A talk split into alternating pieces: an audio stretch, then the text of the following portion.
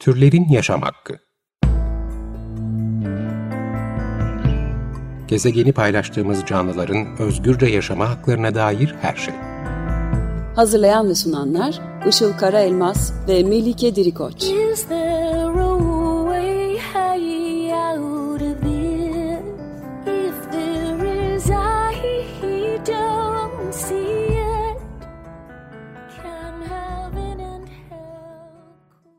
Merhabalar, 95.0 Açık Radyo'da Türlerin Yaşam Hakkı programı başladı. Ben Melike Dirikoç.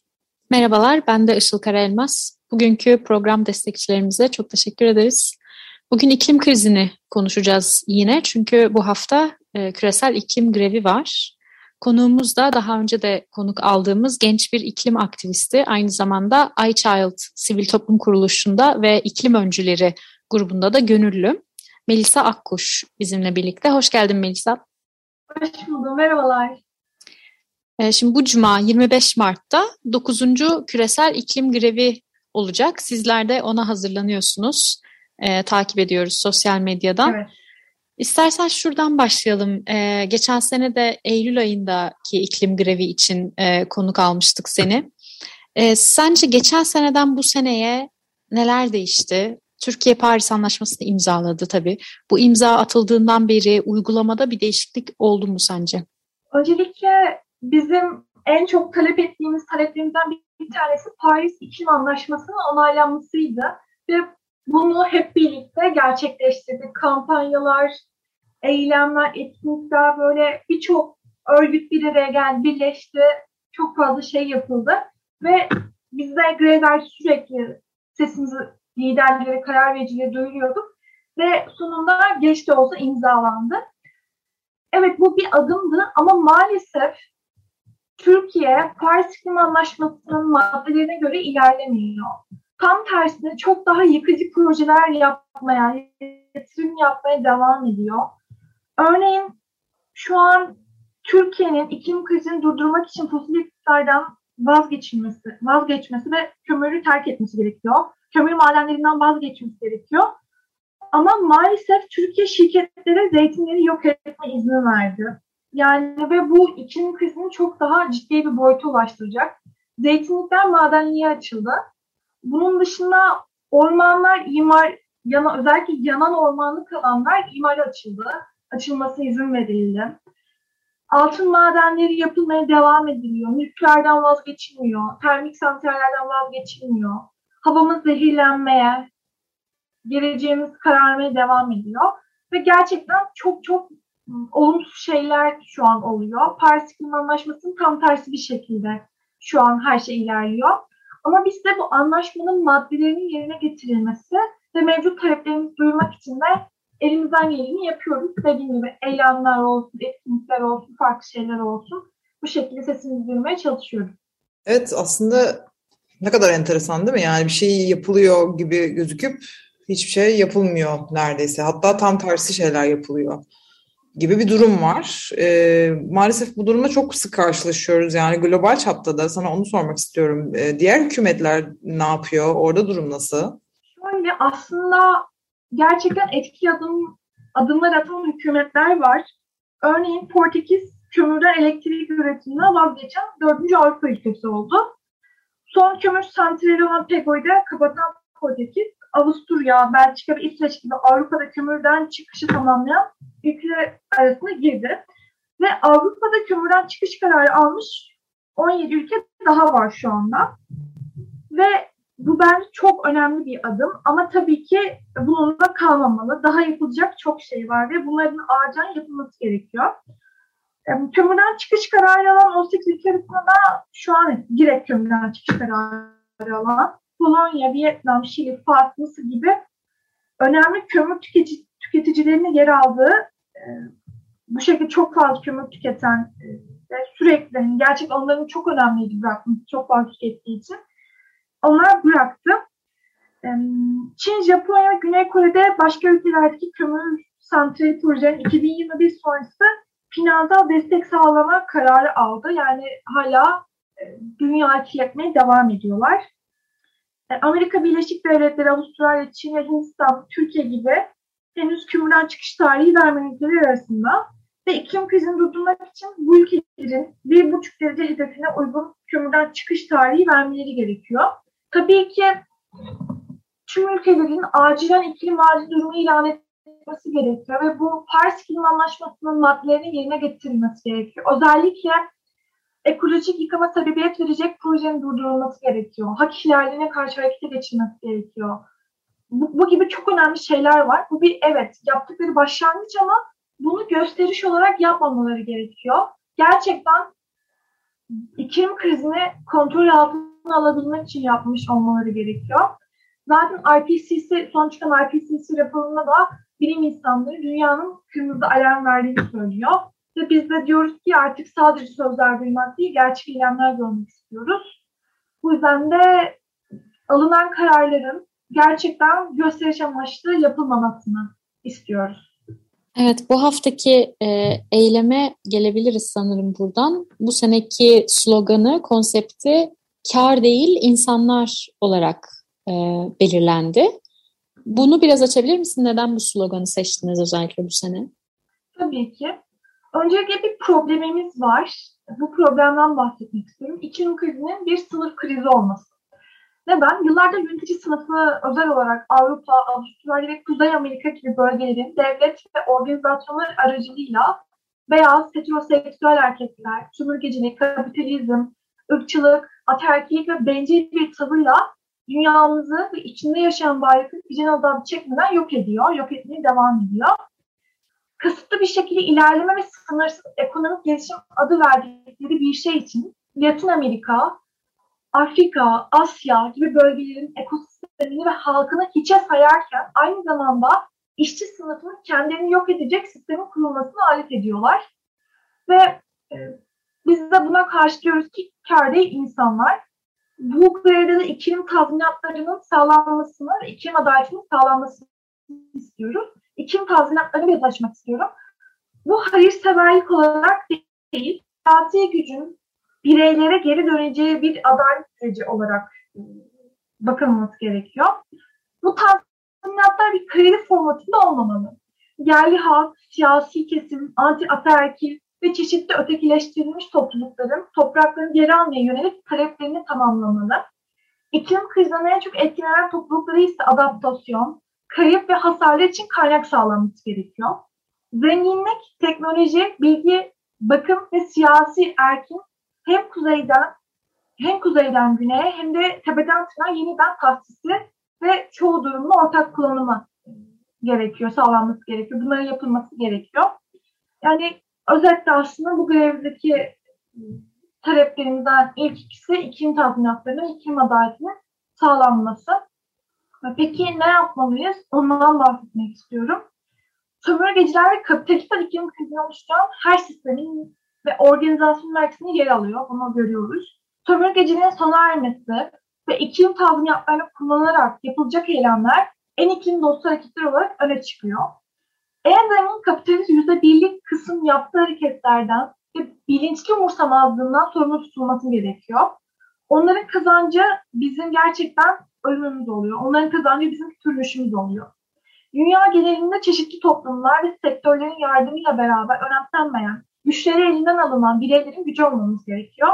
Ve hep birlikte de kar değil insanlar e, dememiz gerekiyor.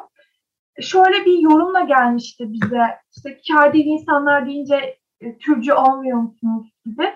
Ama aslında burada dikkat çekmek istediğimiz şey e, bu iklim krizinin bir sınıf krizi olması ve e, iklim tazminatlarının iklim krizinden çok etkilenen dezavantajlı bireylere, e, bölgelere sağlanması gerektiğini vurguluyoruz.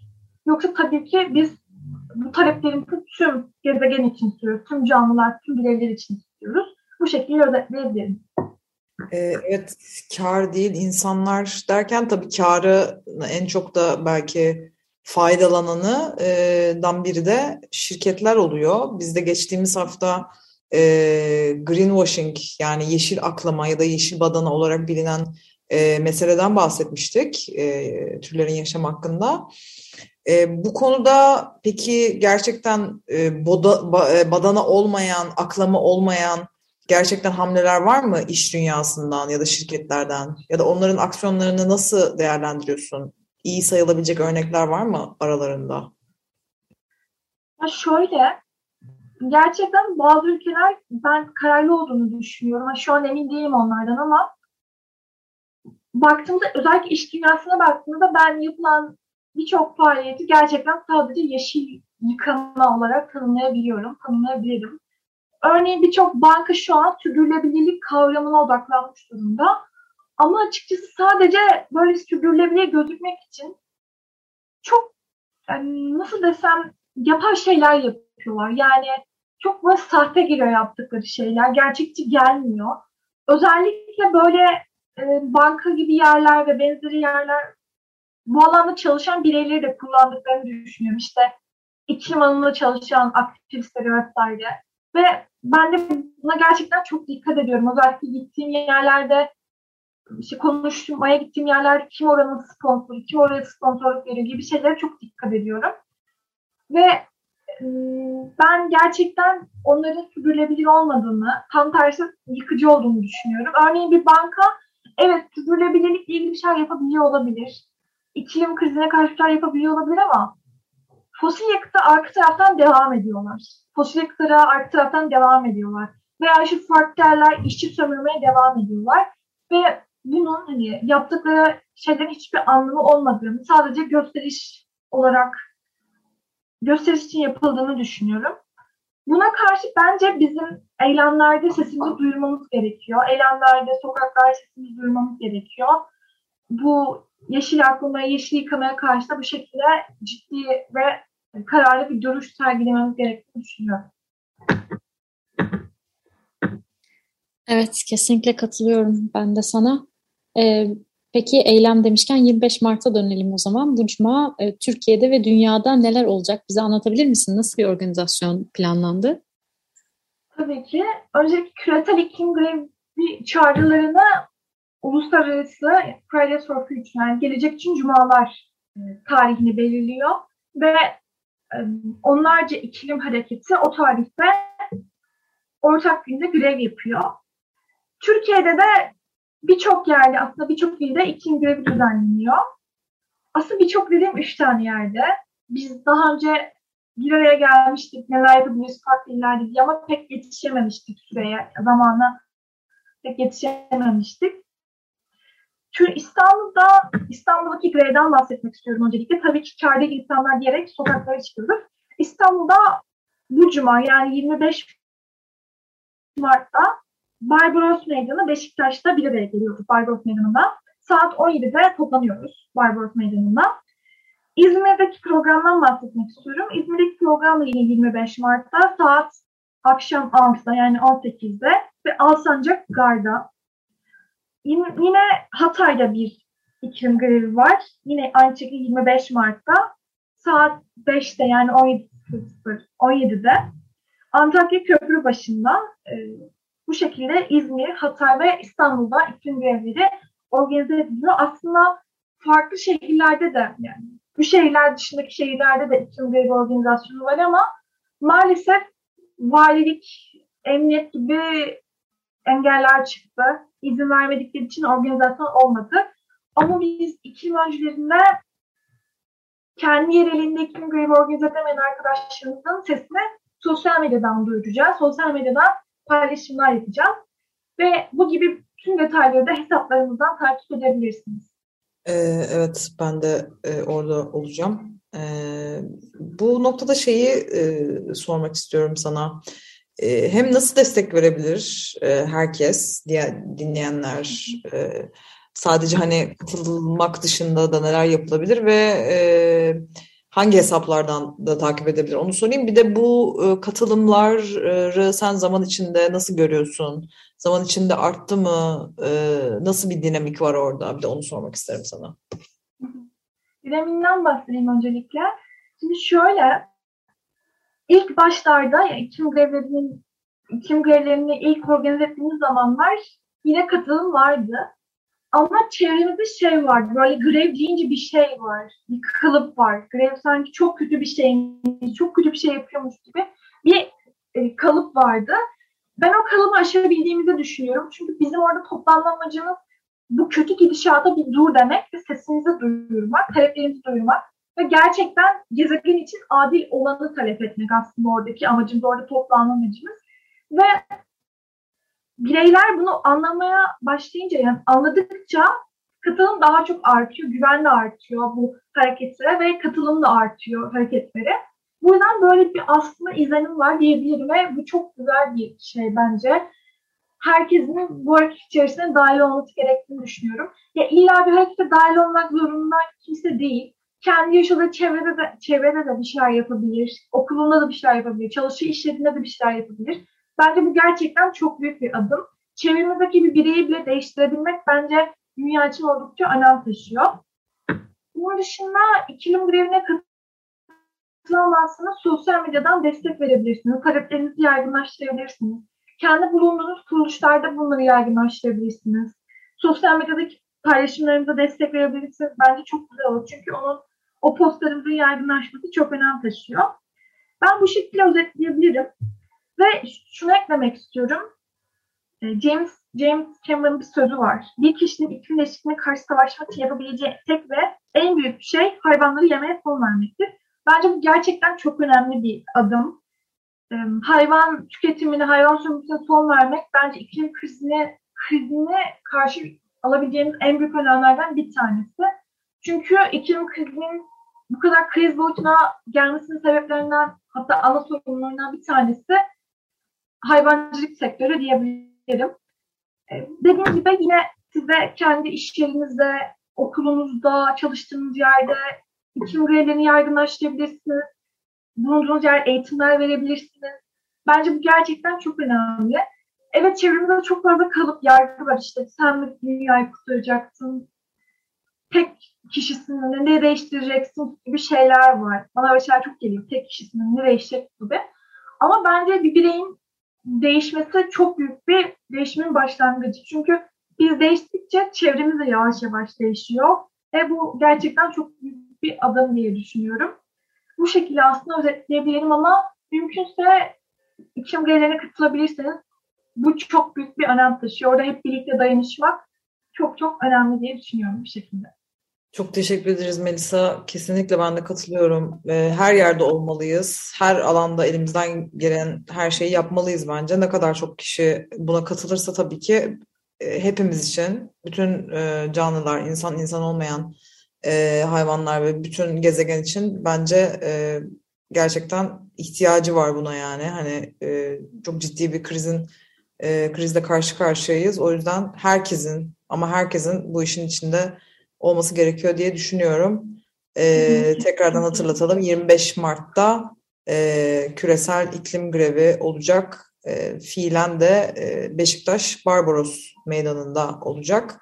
E, iklim öncüleri hesabından değil mi takip edebilirler demiştin. Evet iklim öncüleri, iklim için Türkiye, Youth for Climate Turkey e, hesaplarından takip edebilirler tüm detayları. Evet biz de buradan tekrar e, duyurmuş olalım. E, yayının sonunda sizlerin hazırlamış olduğu bir parça var sanırım. Sen bizde paylaşmıştın. E, onu çalacağız. Geldiğin için ve e, bütün bunları bizlerle paylaştığın için çok teşekkür ederiz tekrardan sana da. Teşekkür ederiz. Ben teşekkür ederim. Ben çok teşekkür ederim. Görüşmek üzere. Görüşmek üzere. 95.0 Açık Radyo'da Türlerin Yaşam Hakkını dinlediniz. Bugünkü konuğumuz iklim aktivisti Melisa Akkuş'tu. Kendisiyle 25 Mart'ta yani e, bu hafta Cuma günü gerçekleşecek olan küresel iklim grevini konuştuk. Evet tekrardan bunu da e, duyuralım. Greve e, herkesi bekliyoruz diyelim. Soru ve yorumlarınız varsa bize e-mail yoluyla ulaşabilirsiniz. Mailimiz turlerinyasamakki.gmail.com Dinlediğiniz için teşekkürler. Haftaya görüşmek üzere. Hoşçakalın. Görüşmek üzere.